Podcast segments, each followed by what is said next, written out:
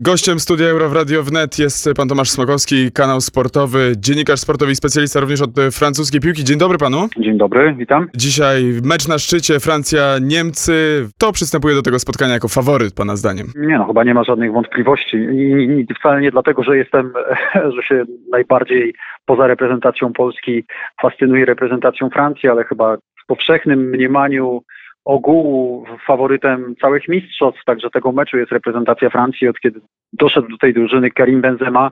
Ja nie chcę powiedzieć, że doszło ostatnie brakujące ogniwo, bo Francuzi już i wcześniej mieli w ataku Oliviera Giroud. Okej, okay, napastnika rezerwowego w swoim klubie. Okej, okay, napastnika, który nie strzelił na Mistrzostwach Świata w Rosji ani jednej bramki, ale mimo to Francuzi zostali mistrzami świata. No ale teraz Francuzi dostali jeszcze jakby kolejny element tej układanki, czyli napastnika no jednak o dwie półki lepszego niż Olivier Giroud, Karima Benzemę. W tej sytuacji no naprawdę nie wyobrażam sobie, żeby drużyna trójkolorowych nie była faworytem meczu, nawet pełniąc rolę gościa. No bo pamiętajmy, że gramy w Monachium, gramy na, na, na stadionie jednego z gospodarzy Mistrzostw Europy, gramy na boisku w Niemczech. Francuzi to mistrzowie świata? Czy pan jak obserwuje francuską piłkę, czy e, Francja to jeszcze lepszy zespół, czy jednak ciut gorszy niż w 2018 roku?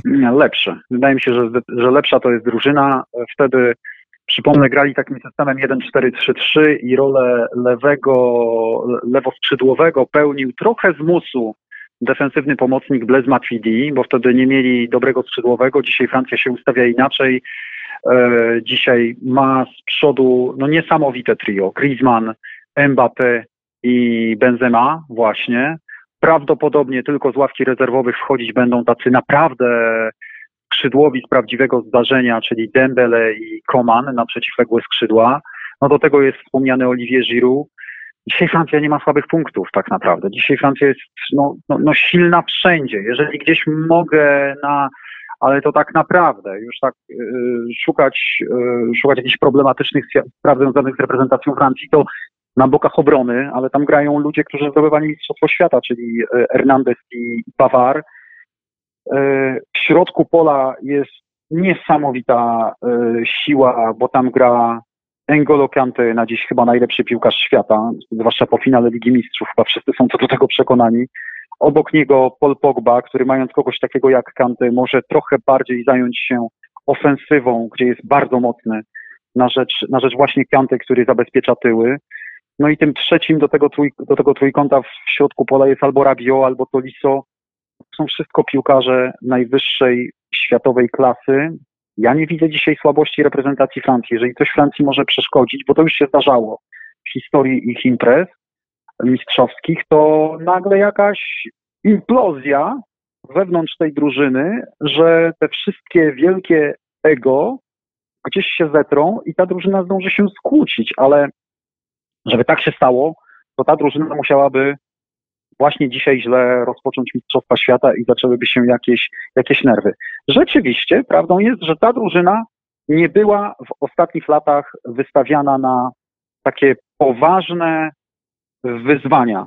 A grupę ma Francja rzeczywiście bardzo, ale to bardzo trudną. Portugalia, Niemcy, no i do tego Węgrzy. Tutaj rzeczywiście mm, Niekoniecznie Francuzi w każdym meczu mogą mieć takie posiadanie piłki, jak zazwyczaj mają.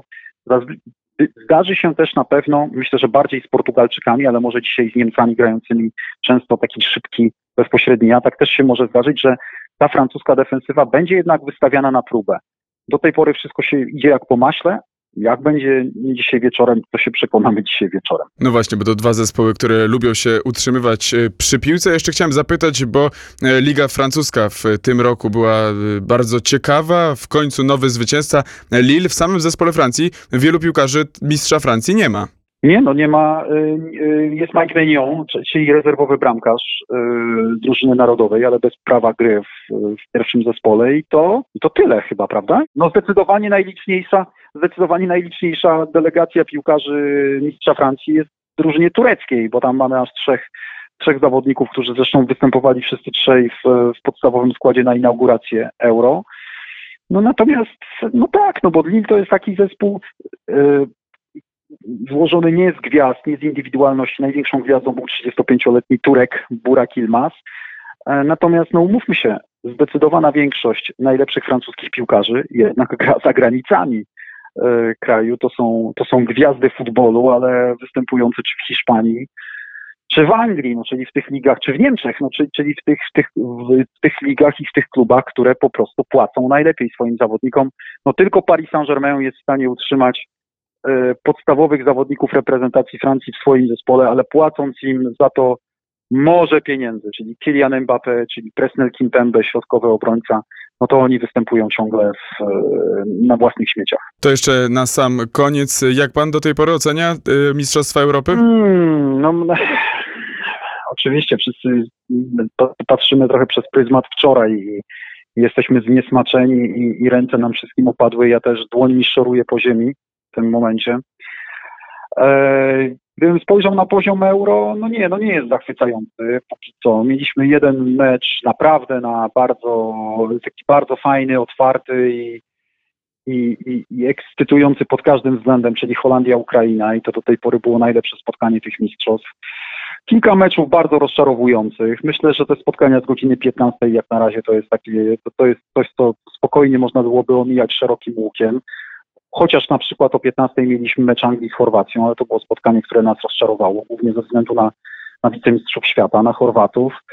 No dzisiaj sobie wiele obiecujemy. Dzisiaj mamy tylko dwa mecze, o 18 i o 21, ale, ale mamy aż, ale wchodzi do gry aż trzech, powiedzmy sobie, no jeśli jeśli nie faworytów do zdobycia tytułu mistrza, świa- y, mistrza Europy, jak Francja czy Portugalia, no to w ogóle taki, taki, takie szersze grono faworytów, czyli też Niemcy. No, oglądamy dzisiaj cztery ostatnie zespoły tych mistrzostw, których jeszcze nie oglądaliśmy. No i akurat liczę, że ten wieczorny mecz no, zapowiada się jako hit całej tej pierwszej serii spotkań, a być może całej fazy grupowej. Drugim takim meczem będzie tylko chyba Portugalia-Francja, znowu na koniec e, fazy grupowej. Innych tak takich meczów, które mogłyby spokojnie uchodzić za półfinał czy finał tych euro, w grupie w fazie eliminacyjnej nie mamy. Będziemy trzymać kciuki, żeby y, się, y, żeby ten poziom emocji w polskich domach dzisiaj wieczorem wrócił. Tomasz Smokowski, y, kanał sportowy, był gościem Studia Euro. Bardzo serdecznie dziękuję za rozmowę.